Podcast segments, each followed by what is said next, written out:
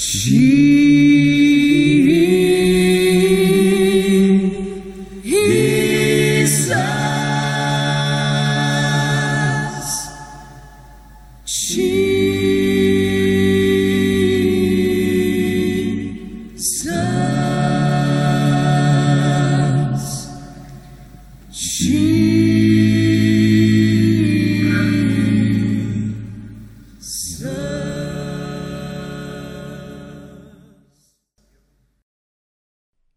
Välkommen till en spännande resa med Jesuspodden.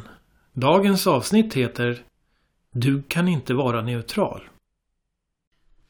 Man kom fram till Jesus med en stackars man som demoner hade gett sig på och gjort både döv och blind. Jesus botade honom och gav honom syn och hörsel tillbaka. Byborna blev djupt imponerade och kallade Jesus för Davids son, den rättmätiga arvingen till kung Davids tron.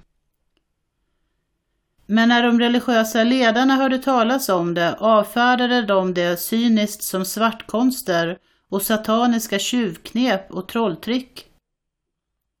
Jesus valde att ta debatten med dem och sa Om en domare skulle både fälla och fria en och samma person för ett och samma brott, då skulle han upphäva sin egen auktoritet.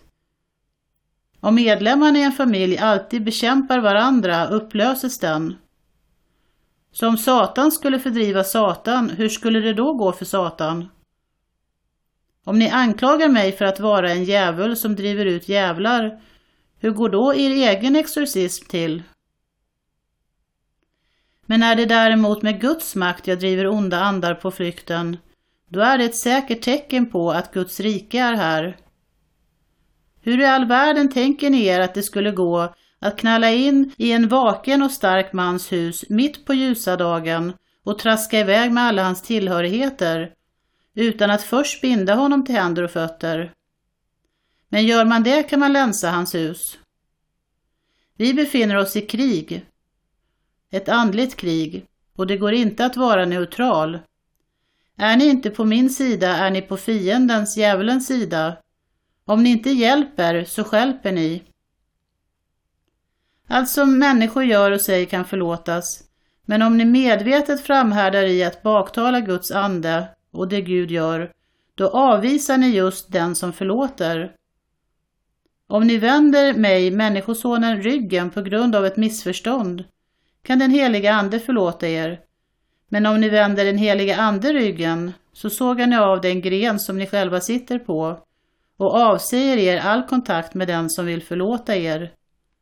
Detta är en allvarlig sak. Det går inte att vara neutral.